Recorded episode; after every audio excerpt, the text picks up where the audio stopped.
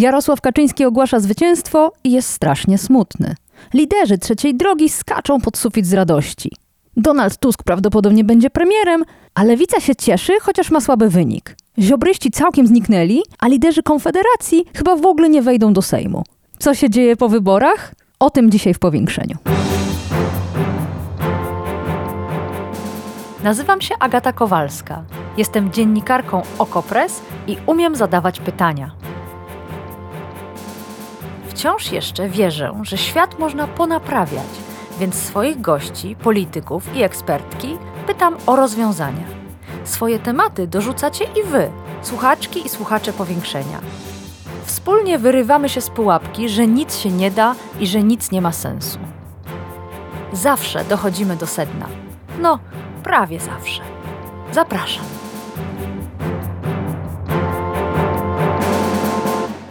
Szesnasty października 2023 roku, poniedziałek. Jesteśmy dzień po wyborach, a właściwie 10 godzin po wyborach, dlatego że o trzeciej w nocy skończyli głosować ostatni wyborcy i wyborczynie w jednej z komisji wyborczych w Polsce. Frekwencja była absolutnie niebywała, rekordowa. Z szacunków wynika, że wyniosła 72,9% i komisje nie wyrabiały. Dlatego głosowania trwały do późnej nocy, a jednocześnie mogliśmy śledzić najpierw o 21 wyniki exit poli, czyli swoistych sondaży, ankiet zbieranych pod lokalami wyborczymi, a nad ranem pojawił się late poll, y, którego wyniki publikujemy oczywiście w OkoPress. Prawo i Sprawiedliwość 36,8%, Koalicja Obywatelska 31,6%, Trzecia Droga 13%, Lewica 8,6%, Konfederacja 6,2%. Bezpartyjni samorządowcy 2,4%, Polska jest jedna 1,2%, czyli dwa ostatnie komitety pod progiem. To są late pole, to nie są oficjalne wyniki. Na te jeszcze czekamy. Jest w tym momencie godzina 13.30 i mamy połowę mniej więcej głosów przeliczonych. Możecie je śledzić na stronach PKW z podziałem na okręgi, na obwody, na kandydatów, na komitety, a najważniejsze informacje z tych wyników oczywiście pojawiają się w Okopres. Ale mimo tego, że nie znamy oficjalnych wyników i mimo tego, że głosowania trwały, to o 21 w sztabach wyborczych zrobiło się gorąco. To znaczy prawie we wszystkich sztabach wyborczych. Dzisiaj w powiększeniu powiemy o tym, kto wygrał wybory, kto będzie rządził i dlaczego Jarosław Kaczyński jest taki smutny.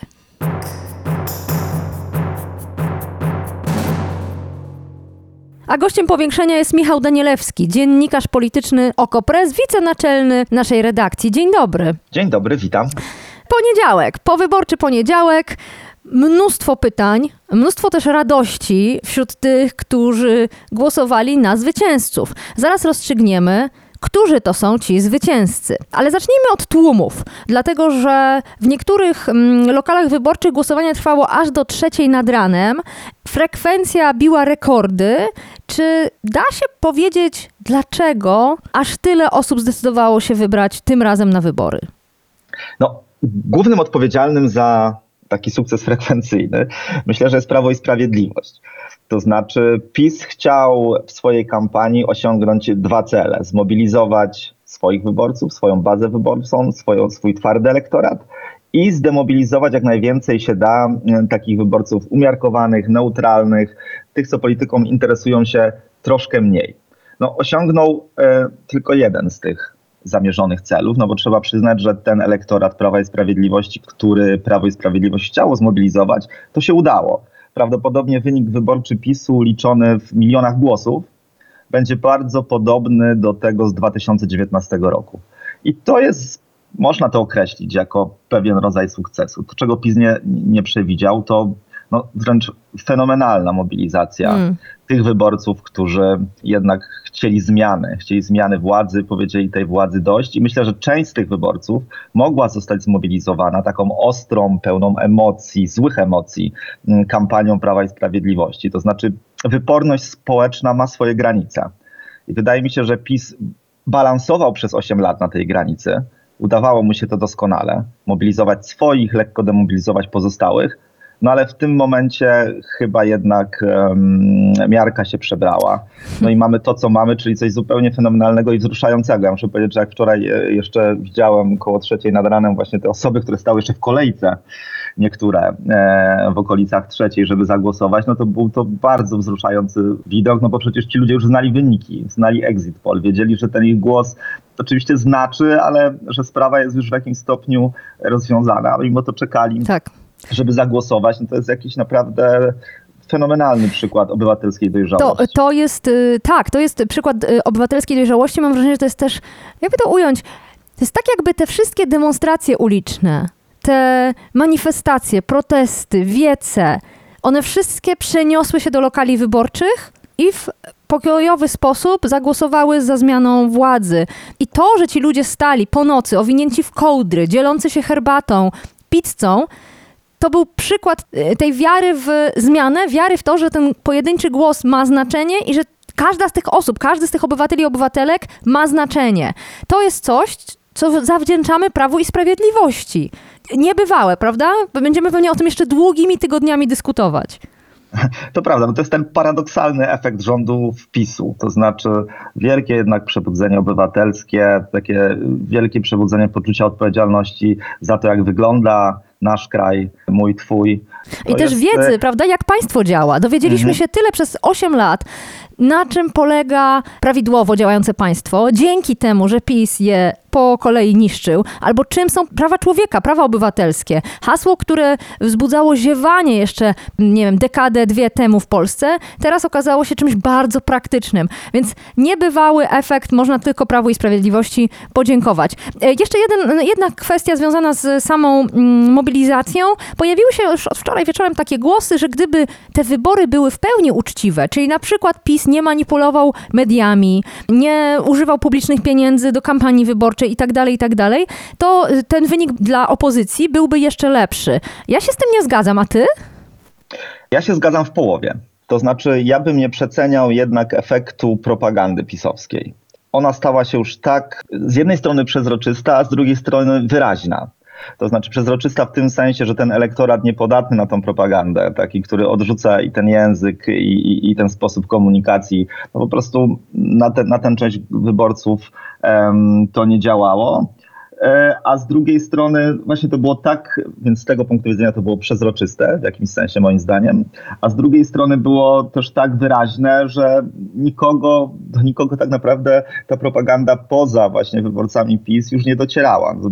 Zaszło klasyczne przedawkowanie. Albo, albo jeszcze lepiej, wkurzała. To jest to, co, o czym mówiłeś tak. na początku. Mhm. Po prostu PiS wkurzył ludzi tą bezczelnością, tą arogancją. Ale propaganda to jedno, ale myślę, że jeśli już odetniemy propagandę, a weźmiemy pod uwagę, jak bardzo PiS wykorzystał aparat władzy do tego, żeby maksymalizować swój wynik wyborczy, to już na pewno miało wpływ. Mm. To znaczy jednak ogromne pieniądze, ogromne akcje spółek Skarbu Państwa, no, cały aparat właściwie państwa został zaangażowany po, po stronie kampanii Prawa i Sprawiedliwości i to na pewno miało wpływ. Myślę, że gdyby tego narzędzia Prawo i Sprawiedliwość nie miało, wynik PiSu byłby niższy. Ale też ja nie uważam, że byłby niższy bardzo. To znaczy nie lekceważyłbym i naprawdę bardzo poważnie wziął pod uwagę, że PiS ma swój elektorat nie tylko ogłupiony propagandą, albo ogłupiony słowami Jarosława Kaczyńskiego, albo że to są fanatyczni zwolennicy właśnie na przykład Kaczyńskiego albo Morawieckiego. Pewnie trudno być,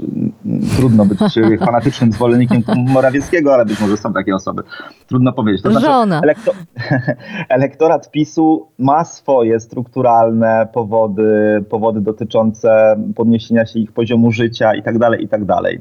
Pełna Więc zgoda. Przestrzegałbym Pełna przed zgoda. żeby traktować mm wyborców PiSu jak jakiś sfanatyzowany, ogłupiony propagandą tłum. Tak, tak, zdecydowanie to, to, to, y, o tym trzeba pamiętać, bo y, inaczej za 4 lata y, wrócimy do sytuacji sprzed ja wczoraj. Jeszcze chciałem powiedzieć, że to jest też duża lekcja i wyzwanie dla opozycji, czy też najprawdopodobniej już partii rządzących już wkrótce. To znaczy, żeby po pierwsze utrzymać taką mobilizację społeczną, jaką mamy. To znaczy, żeby ludzie nie uznali, że sprawa jest załatwiona w jakiejś części i znowu odwrócili się od partycypacji wyborczej, bo przypomnijmy, że to jest świeży, świeży fenomen w Polsce. Tak? tak naprawdę obserwujemy to od wyborów europejskich w 2019 roku, kiedy ta frekwencja jeszcze niska, ale jak na wybory europejskie bardzo duża, była znakiem takiego przebudzenia. Potem te frekwencje i w wyborach parlamentarnych, i w wyborach prezydenckich już były wysokie jak na Polskę, a teraz no to zupełne szaleństwo. Natomiast no to jest świeży fenomen, więc wydaje mi się, że dobrze by było go utrzymać, e, żeby to nie był tylko fenomen mm, podczas rządów Prawa i Sprawiedliwości. A to oznacza, że przyszły rząd opozycyjny musi tych ludzi jakoś przy polityce utrzymać. To znaczy pokazać, Wkurzać ich, polityka... musi ich wkurzać i denerwować, Nie, musi nie sądzę, e, nie sądzę. rozczarowywać. Nie Nie, sądzę, żartuję trochę, a trochę nie. To znaczy, zastanawiam się, na ile twój apel powinien być kierowany do polityków, a na ile jednak do e, całej rzeszy organizacji pozarządowych, aktywistów, mediów, którzy śledzili przez te 8 lat władzę Prawa i Sprawiedliwości, rozliczali ją punkt po punkcie i dzięki temu informowali ludzi i pokazywali ludziom, co tu nie działa. Bo ja nie wiem, czy politykom będzie zależało na tym, żeby utrzymać jakiekolwiek wzmożenie i aktywność, czy też wręcz odwrotnie, wygodniej będzie im, jeśli obywatele uznają, że sprawa jest załatwiona i wrócą do domów. E, Ja bym nie przeceniał takiego tego jakby utrzymania wzmożenia.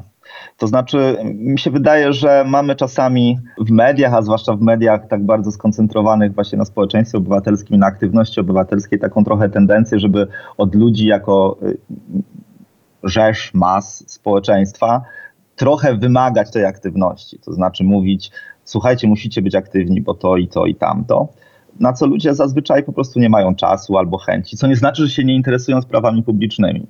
E, I mi się wydaje, że aż takie wzmożenie, jak mieliśmy przez ostatnie 8 lat, znaczy wzmożenie to jest brzydkie słowo, no taka, taki, taki boom na aktywność obywatelską, oczywiście będzie trudny na takim poziomie do utrzymania. Ale jeśli w ogóle uda się utrzymać partycypację wyborczą na takim poziomie, jak obserwowaliśmy w niedzielę, albo na zbliżonym, to już będzie sukces, bo to jest jednak ten najważniejszy, najważniejszy akt y, obywatelski, a wydaje mi się, że możemy ją utrzymać. Mhm. Oczywiście to jest trochę naiwne, mm, przyznam się, to będzie to wy, wykwit mojej Dzisiaj naiwności. można, dzisiaj można. Myślę, że ją możemy utrzymać nie w ten sposób, żeby rząd opozycyjny bardziej polaryzował jeszcze, w taki rodzaj, e, mm, no, brzydkie słowo, zemsty albo rewanżu Mm. na PiSie, a nie daj Boże na wyborcach PiSu, Mm. tylko żeby jednak pokazał, czym jest polityka tak naprawdę. To znaczy, bo my się przez 8 lat w ogóle odzwyczailiśmy od polityki. My już e, zapomnieliśmy, czym jest polityka. Bo nam się teraz wydaje, że polityka to jest to, że wstaje wódz rano albo koło południa, coś tam wymyśla i cały aparat państwa bez żadnej dyskusji z nikim po prostu realizuje to bezrefleksyjnie. No to nie jest polityka. Ja tutaj to jest- pełna to jest zgoda. No, musimy się nauczyć z powrotem, że nikt nie ma 100% racji. Mm. że w, w deliberacji, w dyskusji, a czasami nawet w kłótni, w polityce kłótnie czy spory są czymś normalnym. E, Te rozwiązania się ucierają, że to jest proces jednak bardziej skomplikowany niż to, co obserwowaliśmy przez ostatnie 8 lat. No i to jest zadanie oczywiście i dla mediów, ale też dla polityków, żeby, żeby tą politykę ludziom opowiadać właśnie tak. w ten sposób. I że kłótnia nie oznacza chaosu, bo tym straszył e, prezes Kaczyński. Kłótnia nie oznacza chaosu, kłótnia oznacza, że więcej niż jeden głos ma dostęp do ucha społeczeństwa. Tak, no spór, spór jest e, solą polityki. Bez sporu Tak, nie, ma, nie, tak, ma, nie ma demokratycznej polityki. Be- Bez sporu jest tylko autorytaryzm w takiej lub innej formie. No i tu znów y, we mnie aż się zaświeciły wszystkie światełka z radości, że może przez jakiś czas nie będziemy musieli się borykać z autorytaryzmem. Dla polityków jeszcze jedna podpowiedź, że za chwilę kolejne wybory. To nie jest tak, że teraz przez 4 lata nie będą musieli się z społeczeństwem komunikować, więc tym bardziej warto tłumaczyć siebie, tłumaczyć się i, y, i swoje Jeśli działania. chodzi, jeśli chodzi o kolejne wybory, to jest ciekawy wątek do tego, o czym mówimy. To będą wybory między innymi samorządowe. No i w wyborach samorządowych taka polaryzacja i spór na, takiej, na takim tonie mm, nienawiści, gniewu, złości, na wysokich emocjach się zupełnie nie sprawdza. Tak jest, całe Więc szczęście. jeśli, Hmm. więc jeśli e, partie polityczne będą chciały uzyskać dobry wynik w wyborach samorządowych, mieć swoich prezydentów, swoich radnych em, na takim poziomie, jak, jak miały, no to muszą troszkę zejść z tonu, bo e, inaczej będą wygrywać kandydaci niezależni, no, ludzie z lokalnej A i społeczności. tak będą. Jest- Właśnie o to, tak, tak, tym tak, lepiej, oczywiście, tym oczywiście, lepiej. oczywiście, no Więcej w głosów. dobrym, w dobrym interesie partii politycznym jest e, nieco, nieco, nieco, nieco spuścić z tonu, żeby u, u, otrzymać jak najlepszy wynik w wyborach No właśnie, więc ciekawe czasy przed nami. Mam nadzieję, że w tym pozytywnym znaczeniu słowa ciekawe. No dobra, bo właściwie już parę razy powiedziałeś, kto wygrał, ale to nie jest do końca jasne. Tym razem wygranie wyborów niekoniecznie oznacza rządzenie. Wczoraj y, wieczorem w sztabie sztabie wyborczym Prawa i Sprawiedliwości panowała cisza, nastrój dosyć grobowy. Politycy suwerennej Polski w ogóle nie pofatygowali się na Nowogrodzką, a następnie wystąpił prezes Jarosław Kaczyński i powiedział tak. Mamy pierwsze wyniki badań. One nam dają czwarte zwycięstwo w dziejach naszej partii. Czwarte zwycięstwo.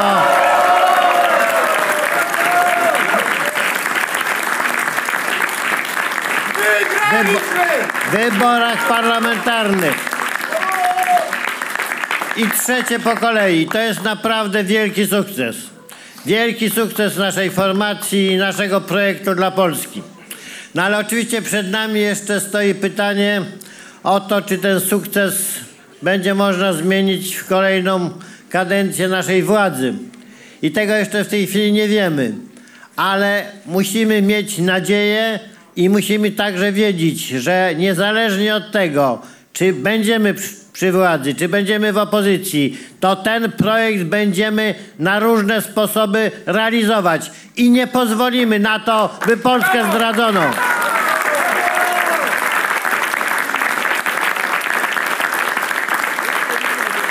Nie pozwolimy na to, by Polska utraciła to, co jest najcenniejsze w dziejach naszego narodu, najcenniejsze ze względu na jego doświadczenia, to znaczy niepodległość, prawo do decydowania o własnym losie. To na pewno będziemy mogli zrobić i z całą pewnością to zrobimy. Padło słowo zwycięstwo, a prezes Kaczyński jest smutny. PiS wygrał, Morawiecki ogłosił, że będzie formował rząd, a panuje smuta. Co tu się wydarzyło?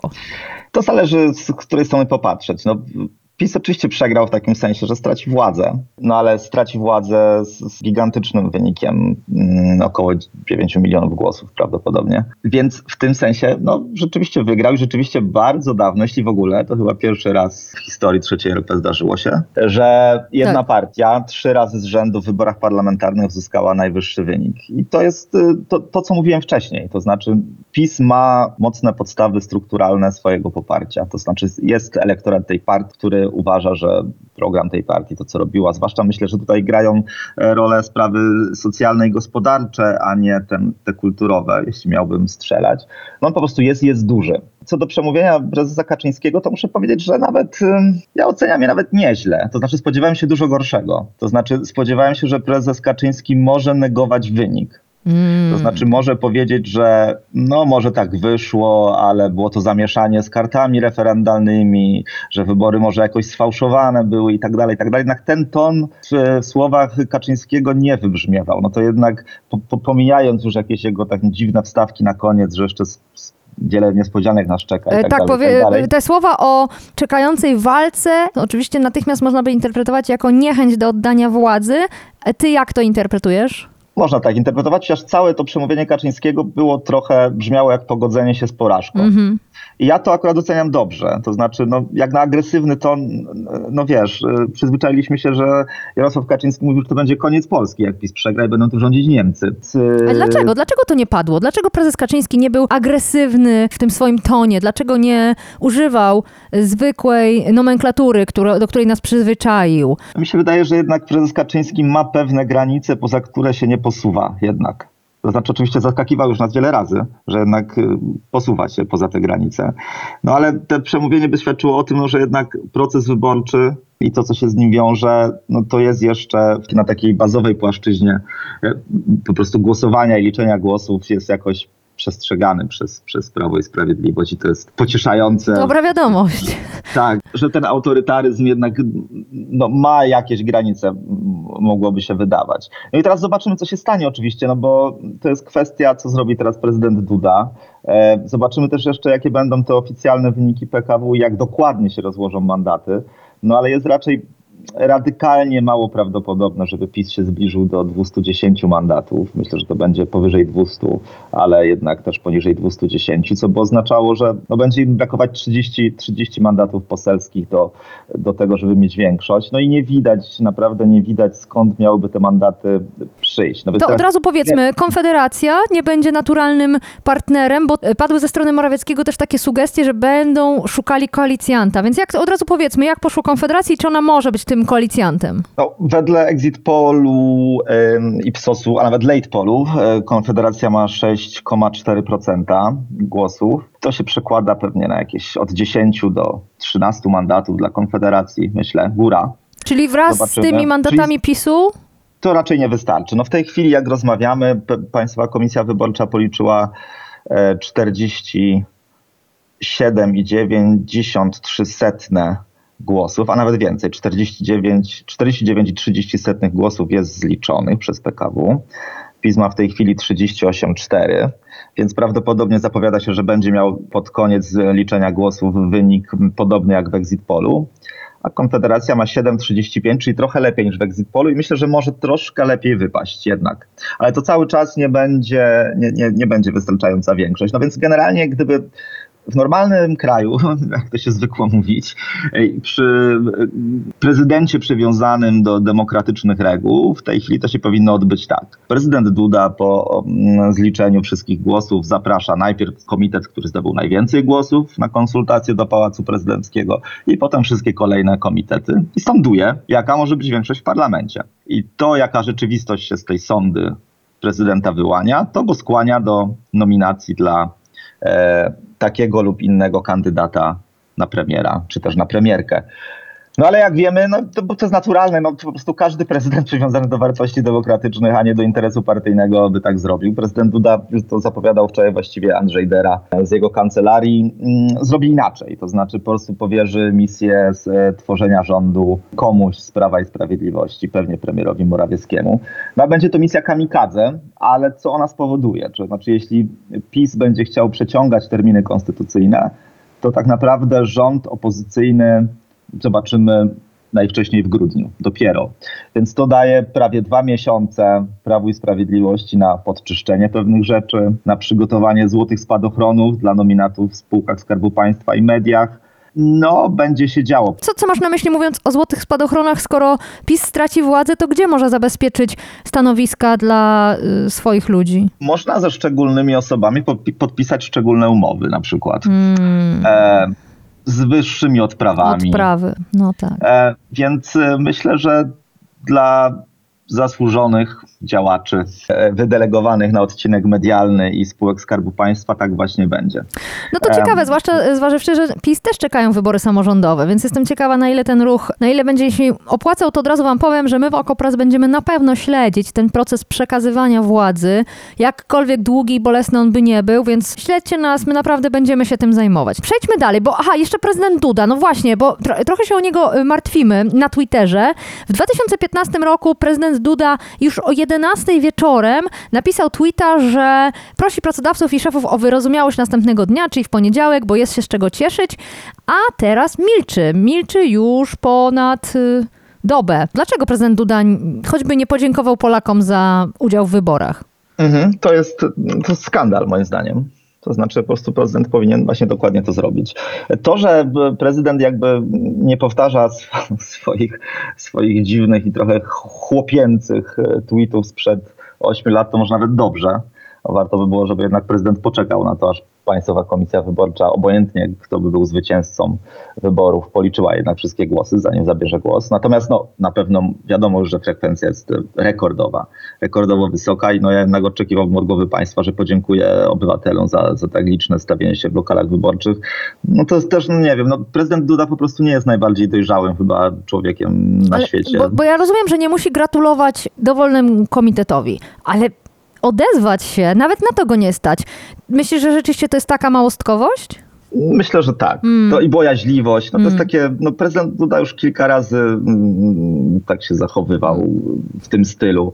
Co za moment na, no, niestanięcie na wysokości zadań. Aczkolwiek, aczkolwiek no, ma jeszcze szansę, żeby się zachować sensownie. To znaczy, no jednak jego kadencja zaraz się kończy, tak? To znaczy, no chyba mm, myślę, że na czym jak na czym, ale prezydentowi Dudzie bardzo zależy na mm, dziedzictwie swojej prezydentury. No więc myślę, że w zachowaniu tego dziedzictwa, bo oczywiście Duda ma sukcesy jako prezydent, tak? Znaczy w takim sensie, bo z punktu widzenia obywa, znaczy ma przewiny konstytucyjne i tak dalej, ale ma też sukcesy. No, ja, część zmian PiSu, mniejszą część, ale jednak zastopował lub w części zastopował. E, prowadził sensowną w miarę politykę zagraniczną, zwłaszcza jeśli to się porówna do mm, polityki zagranicznej politycznej prowadzonej, prowadzonej przez pisowski MSZ. E, jednak ma duże zasługi, jeśli chodzi o, o, o sprawę ukraińską. No więc miałby na czym budować swoje dziedzictwo w jakimś sensie, czy umiarkowanie dobrą pamięć o swojej prezydenturze, gdyby teraz zachował się jak trzeba, że sparafrazuję znany tekst. No jest jeszcze osobny wątek, ale to już nie dzisiaj będziemy go omawiać, czyli obawa, że prezydent Duda będzie wetował wszystkie ustawy, które przyjmie nowy Sejm, ale tym się dzisiaj nie będziemy zajmować, jeszcze jest dużo na to czasu. Jeszcze tylko jedna kwestia związana z dotychczasowym obozem władzy. Gdzie się podzieli politycy suwerennej Polski? No czekają na to, ile, ilu posłów będą mieli w Sejmie, to jest jasne. No to jest bardzo ciekawa, najbardziej ciekawa rozgrywka, jeśli chodzi o obóz władzy i największe zagrożenie dla Jarosława Kaczyńskiego. To znaczy jakiś rodzaj Jak to? Co masz na myśli? Dekompozycja PiSu, znaczy Zjednoczonej Prawicy jako, jako tworu.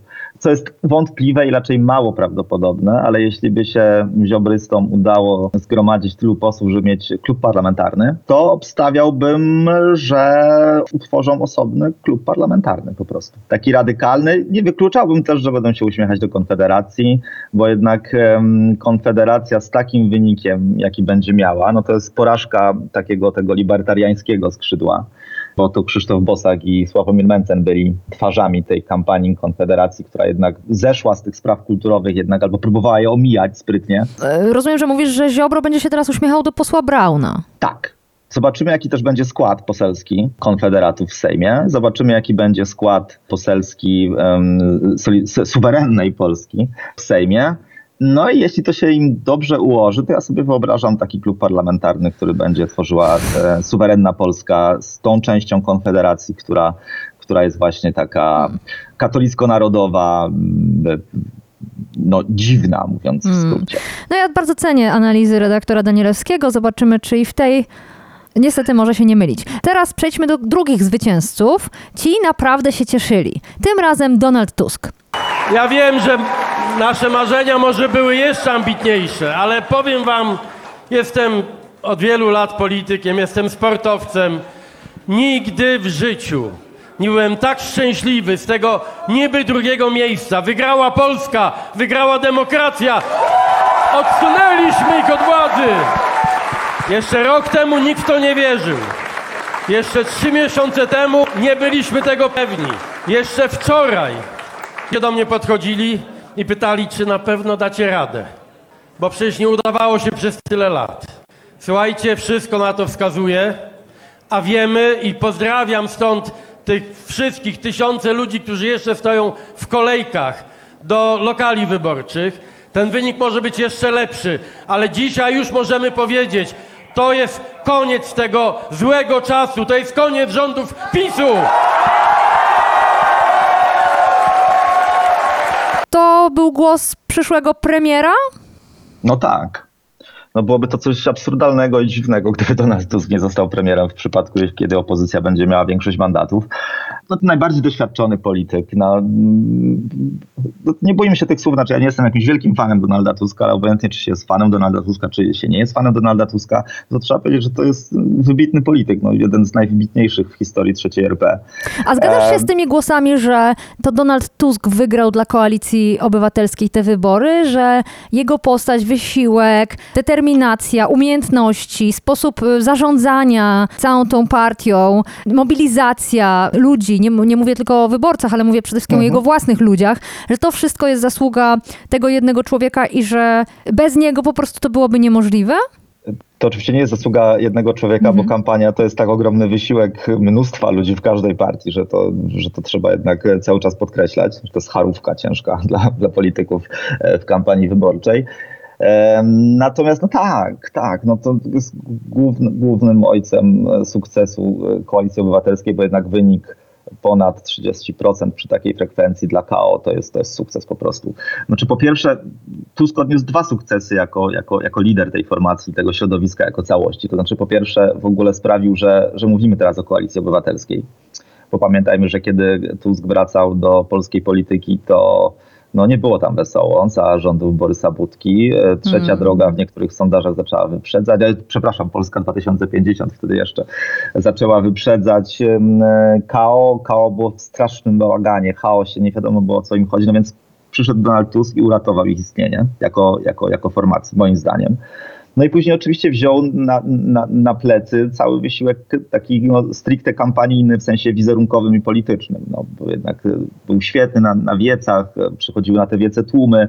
No mówmy się, że raczej Borys Budka nie zgromadzałby takich tłumów w amfiteatrach w całej Polsce jak Donald, jak Donald Tusk. No też wykazał się mądrością jednak. To znaczy, o ile na początku kampanii jednak Koalicja Obywatelska no, była mocno nastawiona, nastawiona na konsumpcję, brzydko mówiąc, elektoratu Wspólna mniejszych, lista. mniejszych formacji. Mam dreszcze na samą myśl. Ja też. U. No, ale to jest ogromna mądrość i dojrzałość e, polityczna Donalda Tuska, że po prostu zrezygnował z tego, kiedy zobaczył, że to nie działa. I mm. jednak ostatnie dwa tygodnie kampanii, no to był, to, to był przekaz, że słuchajcie, jesteśmy różni, różnimy się, ale to będzie wspólny rząd i ten wspólny, a ten wspólny rząd bez trzeciej drogi i lewicy po prostu nie powstanie.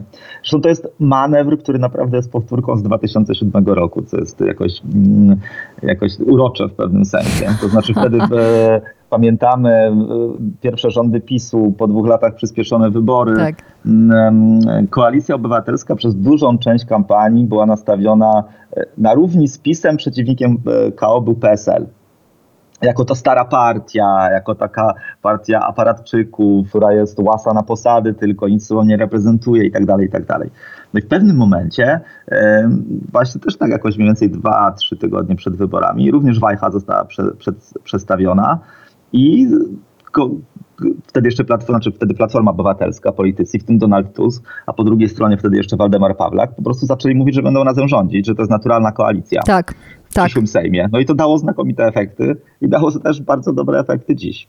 O ile w sztabie Koalicji Obywatelskiej panowała radość, no to w sztabie trzeciej drogi panowało absolutne szaleństwo. Posłuchajmy, jak cieszyli się Władysław Kośniak-Kamysz i Szymon Hołownia.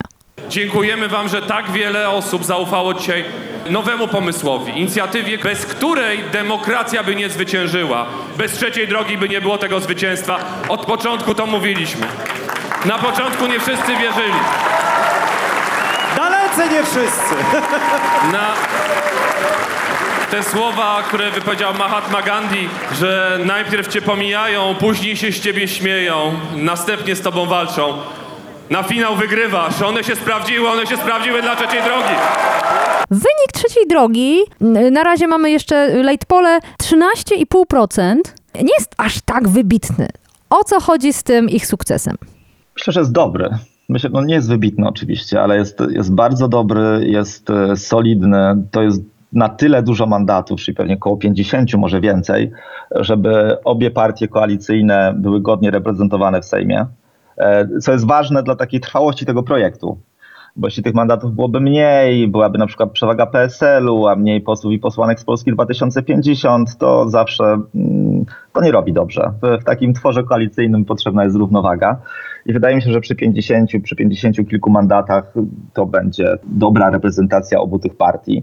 No jednak nie, no przypomnijmy sobie, oni naprawdę się mogą cieszyć. Znaczy mm. przede wszystkim ustali. No, no właśnie. Atak, atak na trzecią drogę z obu stron barykady. Tak, było, jednak... to było coś nieprawdopodobnego. Hejt na Hołownię. To...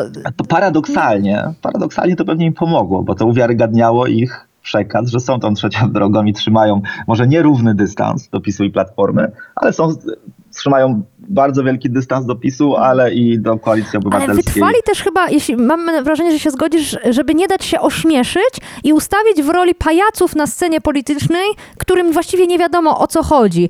Kosiniak, Kamysz, Szymon Hołownia cały czas podkreślali tą swoją wspólnotę, tą swoją zgodę, dużo się uśmiechali mhm. i mam wrażenie, że to naprawdę, że ludzie się za tym stęsknili. Trochę tak. Ja mam największy szacunek mam, mam za to, że jak się kolokwialnie mówi, obaj ustali tą presję.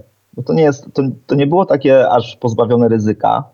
Trzeba było mieć do tego charakter, wiedzieć po co się idzie do tych wyborów i co się chce w tych wyborach osiągnąć.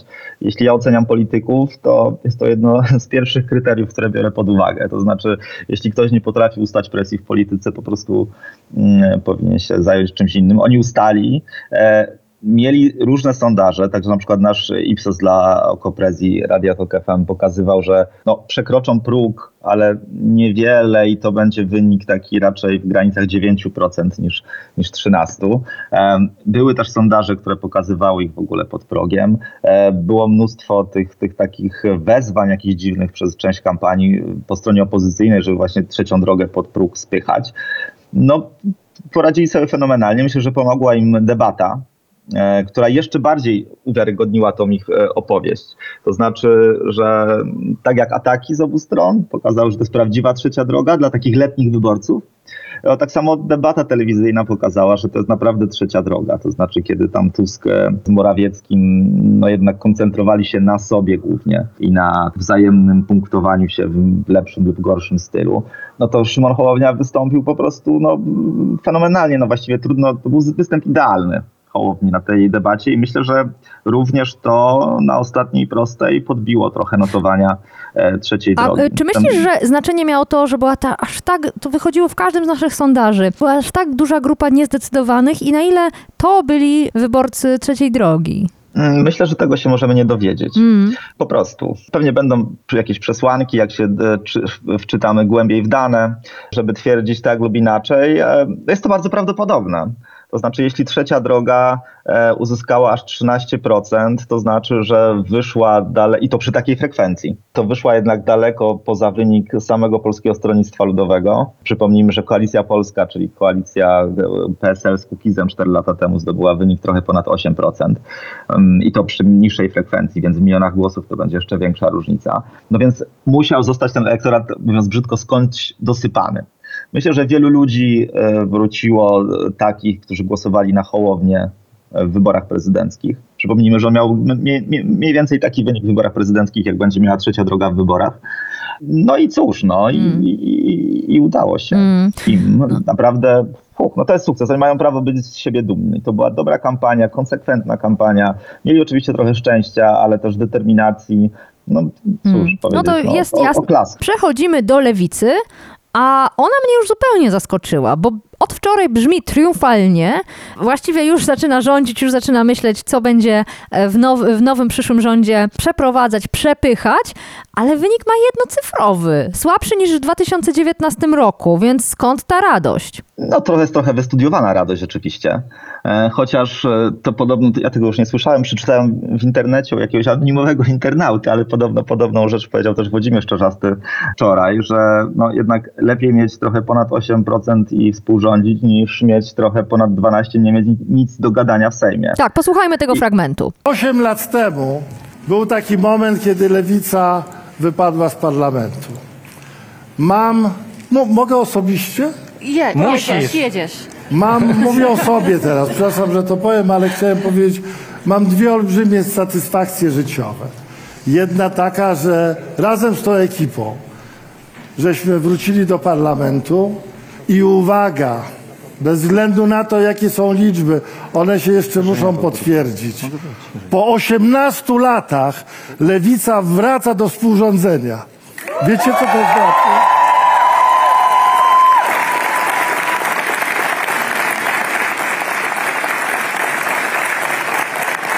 I chcę wam powiedzieć,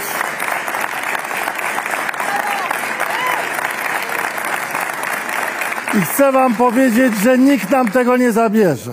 Nie ma takiej możliwości.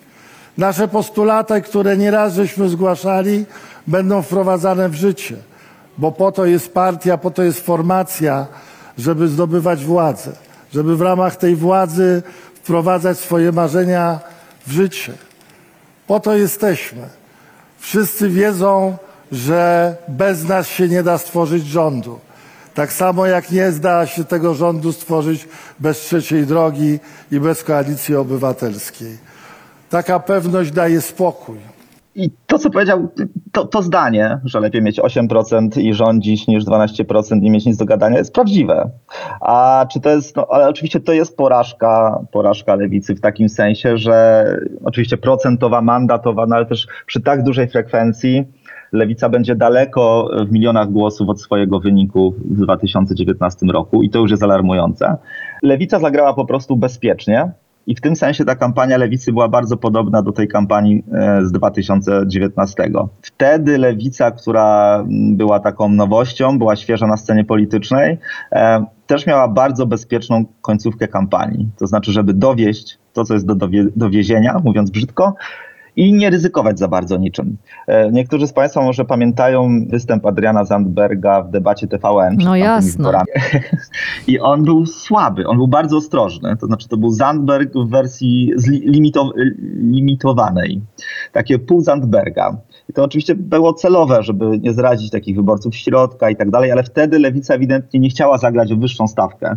Nie chciała zagrać na przykład o 15% chciała brać to, co ma i uciekać z, ty, z, ty, z tym wynikiem. No i teraz było podobnie. To, jakiego lewica oczekiwała wyników w tych wyborach, to pokazuje, jak konstruowała listy. Czyli na przykład Agnieszka Dziemianowicz-Bąk wysłana na Pomorze z Wrocławia. Co to znaczy? To znaczy, że lewica się obawiała, że nie powtórzy e, e, wyniku z 2019 roku i we Wrocławiu nie zdobędzie dwóch mandatów. W związku z tym jedną z liderek wysłała do innego okręgu, który był, będzie biorący. Podobnie z na przykład ze startem Magdaleny Biejat do Senatu, to znaczy prawdopodobnie strategicznie uznano, że jest ryzyko, że Magdalena Biejat, czyli jedna z liderek partii Razem, jeśli Lewica będzie miała dwa mandaty w Warszawie, przy 8% to jest, jest takie ryzyko, teraz cały czas PKW liczy, być może Lewica będzie miała trzy, no ale nie wiadomo, ryzyko dwóch mandatów było dosyć mocne. Więc też jedna z liderek wystartowała do, do Senatu. No więc jak już to weźmiemy wszystko e, zusammen do kupy, to dowiemy się, że tak, Lewica liczyła na wynik, oczywiście mówiła co innego, e, może podświadomie liczyła, a może po prostu chciała być ostrożna, Mm. ale ostrożnie przewidywała, że ten wynik może być w granicach 8-9%. I nie zrobiła tak naprawdę nic, żeby go podbić. No to znaczy, lewica się ustawiła jako młodsza siostra koalicji obywatelskiej. Generalnie. To znaczy taki, taka siła, która z jednej strony trochę powstrzymuje Konfederację przed tym, żeby rządziła z PiSem, ale też jest taką młodszą siostrą Platformy, co to podpowiada jej rozwiązania. Że tu może mieszkania na wynajem trzeba budować, może z tą aborcją trzeba No przyspieszyć. ale, ale może słusznie, dlatego że rzeczywiście ta kampania wyborcza wyglądała jak kopiuj w klej. Najpierw Lewica rok, rok temu, pół roku temu rzuca jakieś hasło, a chwilę później słyszeliśmy to w ustach polityków Koalicji Obywatelskiej. Zobaczymy. Kształt, kształt klubu lewicy będzie bardzo istotny, a dlaczego będzie istotny, to trzeba spojrzeć w exit poll. Mm. I z tego exit pola dowiemy się, że lewica wśród osób, zwłaszcza wśród osób do 29 roku życia uzyskała fenomenalny wynik, drugi. Do 39 też jest w czołówce. Wśród ludzi do 50 cały czas jest ok, ale później to są wyniki w okolicach progu wyborczego. Czyli lewica ma bardzo mocną reprezentację i bardzo mocne poparcie wśród, wśród e, młodszych wyborców, czyli do 50 i bardzo, bardzo słabe A- wśród wyborców poniżej A co to ma 50. wspólnego z klubem e, sejmowym? No bo teraz zobaczymy, jak, jak te osoby będą się komunikować z elektoratami. To znaczy, no bo są dwa strategiczne wybory, tak? Czy chcemy poprawić komunikację ze starszym elektoratem, czy chcemy apelować do tego elektoratu, który mamy, jeszcze go bardziej mobilizować, znaczy mamy, mówię w sensie wcielając się w strategów lewicy i komunikować się z nimi. No, przyznasz, że inny rodzaj komunikacji kojarzymy z Włodzimierzem Czarzastym, a inny z Katarzyną Kotulą albo Agnieszką Dziemianowicz-Bąk. To są różnice i to, jaki Hmm. będzie miał kształt ta, ta, ta, ten klub, no, jest dosyć ważne. Dobrze, to Też w będziemy takim sensie, też w takim sensie no, jak lewica będzie się zachowywała w przyszłej koalicji rządowej, tak? To znaczy, czy będzie koalicjantem takim spolegliwym, który po prostu będzie potakiwał i, i mm, załatwiał tylko jakieś drobne sprawy, mniej lub bardziej dla siebie ważne, no, czy jednak mimo tego, że te wybory były no, na pewno nie sukcesem, no, po prostu porażką lewicy, to jednak czy będzie lewica chciała no, być bardziej podmiotowa. Hmm. I Jeszcze jedna, e, jeden komitet, Konfederacja, już o nim e, trochę mówiliśmy. Pojawiają się takie informacje, że pan Mencen nie wejdzie do Sejmu, że pan Bosak nie wejdzie do Sejmu. Co tam się stało? E, To byli oczywiście liderzy, ale też liderzy list. No poczekajmy, poczekajmy z, ogłaszaniem, kto e, gdzie nie wejdzie. Jednak jestem z tej opcji ostrożnościowej, że niech PKW policzy 100% wyników, to zobaczymy po prostu, kto wchodzi, jak kto nie wchodzi. To będzie wtedy proste, nie będzie trzeba zgadywać. Generalnie, żeby było zabawniej, Konfederacja relatywnie, czyli w stosunku do 2019 roku, wypadła lepiej od lewicy. To znaczy prawdopodobnie w, e, w tysiącach głosów, to będzie lepszy wynik Konfederacji niż był w 2019 roku. No tylko, że Konfederacja, czyli będzie w ogóle rekordowy pewnie w wyborach parlamentarnych, pewnie na poziomie mm, wyniku Krzysztofa Bosaka w wyborach prezydenckich, mniej więcej. No tylko Konfederacji zabiła e, frekwencja po prostu. Ten wynik, który, czyli to można powiedzieć, że trochę jak z PiSem. To, że Konfederacja ma swoich wyborców, jest klient na połączenie takiej libertariańskiej, zwłaszcza męski klient, na połą- i młody męski klient, na połączenie takiej, takiego libertariańskiego frazesu i, i takiej konserwatywnej, e, obyczajowo i, i, i światopoglądowo partii. Nawet się, zawahałem się przy tym konserwatywnie, bo ja nawet nie wiem, czy to jest konserwatywny, czy po prostu taki antyfeministyczny, by tak rzec. To jest partia, brzydko mówiąc, bekleszu to znaczy takich uciśnionych, uciśnionych w subiektywnym ich pojęciu mężczyzn. No i jakkolwiek nie byłoby to smutne, bo trochę dla mnie to smutne jest, no to tych klientów takiej, takiej opowieści jest sporo. Oczywiście Konfederacja, ja generalnie mam taką satysfakcję jakąś małą, no, że właściwie po, powtarzałem od wielu tygodni dwie rzeczy, to znaczy, że lewica nie przekroczy 10%, i że Konfederacja na pewno nie będzie miała 15%, bo po prostu nie ma tylu wyborców, zarówno dla lewicy, jak i dla Konfederacji w społeczeństwie. Póki co. Hmm.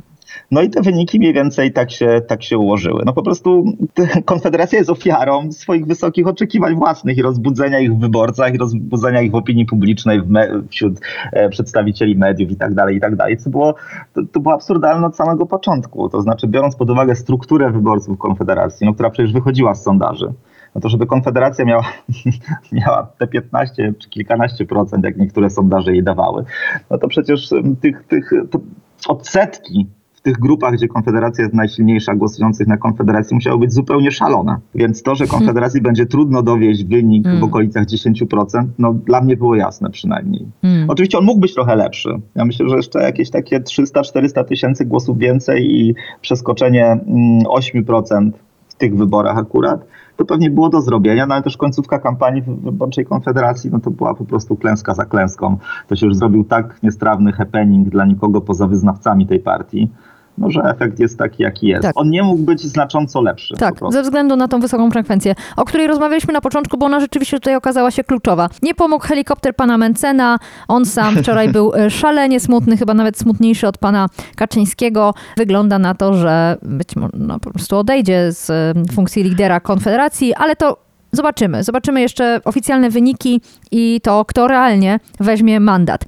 To co? Zmieniamy Polskę, można powiedzieć, od dzisiaj. No tak, chociaż jak mówiłem wcześniej, poczekajmy na 100% zliczonych głosów przez PKW, poczekajmy na to, co zrobi prezydent Duda i jak szybko, bo to też będzie ważne, dogadają się trzy partie jeszcze opozycyjne, a prawdopodobnie już wkrótce e, rządzące. Hmm. Czy zmieniamy Polskę? Pewnie tak. Chociaż pamiętajmy, że to będzie trudne. Jeszcze przez półtora roku na pewno będzie prezydent Duda z, z prawem weta. E, Trybunał Konstytucyjny jest uzależniony od e, partii rządzącej, więc to nie będzie łatwe. I tutaj też ja bym liczył na Donalda Tuska. To znaczy, jeśli ktoś ma być trochę takim, używając znanego mm, pojęcia Lecha Wałęsy, trochę zderzakiem, takim zderzakiem klasy premium, ale jednak, to jest Donald Tusk. To znaczy, to już wczoraj się pojawiało w, w, różnych komentarzach, że nie jest wykluczone, że po prostu Donald Tusk weźmie na siebie takie przełamanie tego imposybilizmu instytucjonalnego i przeprowadzenie kilku, kilku rzeczy ważnych z punktu widzenia mm, sprawowania władzy i być może po wyborach prezydenckich na przykład po prostu zmieni się premier koalicyjnego rządu. Ale to są, nie wybiegajmy aż tak daleko w przyszłość. Myślę, że no korci, wybieganie, korci. W przysz wybieganie w przyszłość do wtorku to na razie jest to, co możemy zaoferować. Michał Danielewski, dziennikarz polityczny, wicenaczelny OKO.press. Bardzo Ci dziękuję za całą rozmowę i oczywiście zachęcam Was do zajrzenia na nasz portal. Tam bez przerwy analizy, komentarze, przewidywania, trochę radości, generalnie praca w re. Bardzo Ci dziękuję, Michale. Dziękuję bardzo.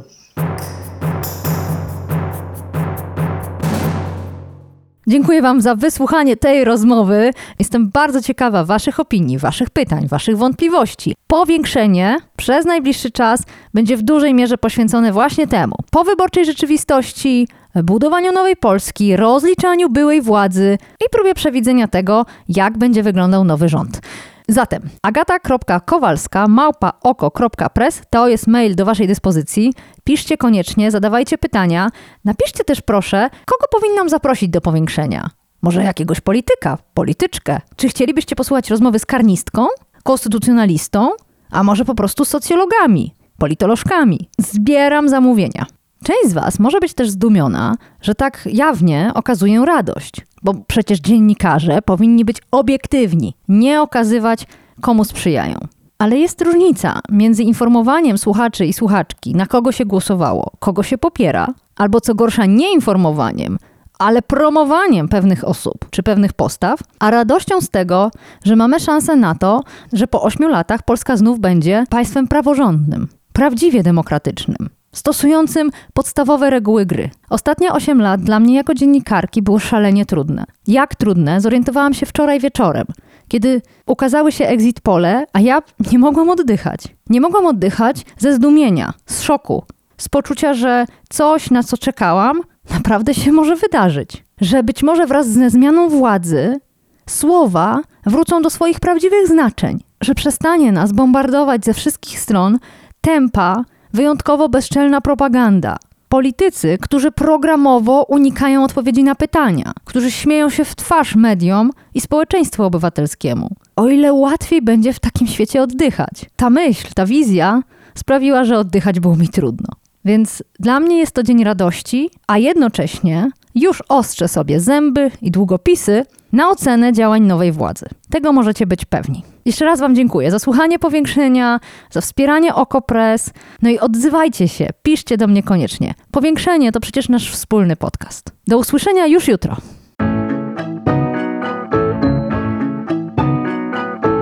To było Powiększenie, podcast Agaty Kowalskiej. Produkcja Bartosz Weber. Powiększenie znajdziesz na stronie Okopres i w Twojej ulubionej aplikacji do podcastów. Masz pomysł na temat albo komentarz? Napisz do mnie agata.kowalska małpaoko.press Stałych darczyńców zapraszamy na grupę Okopres na Facebooku Twoja okolica. Tam też toczymy dyskusje o świecie i o podcaście. Dziękujemy za Wasze wsparcie.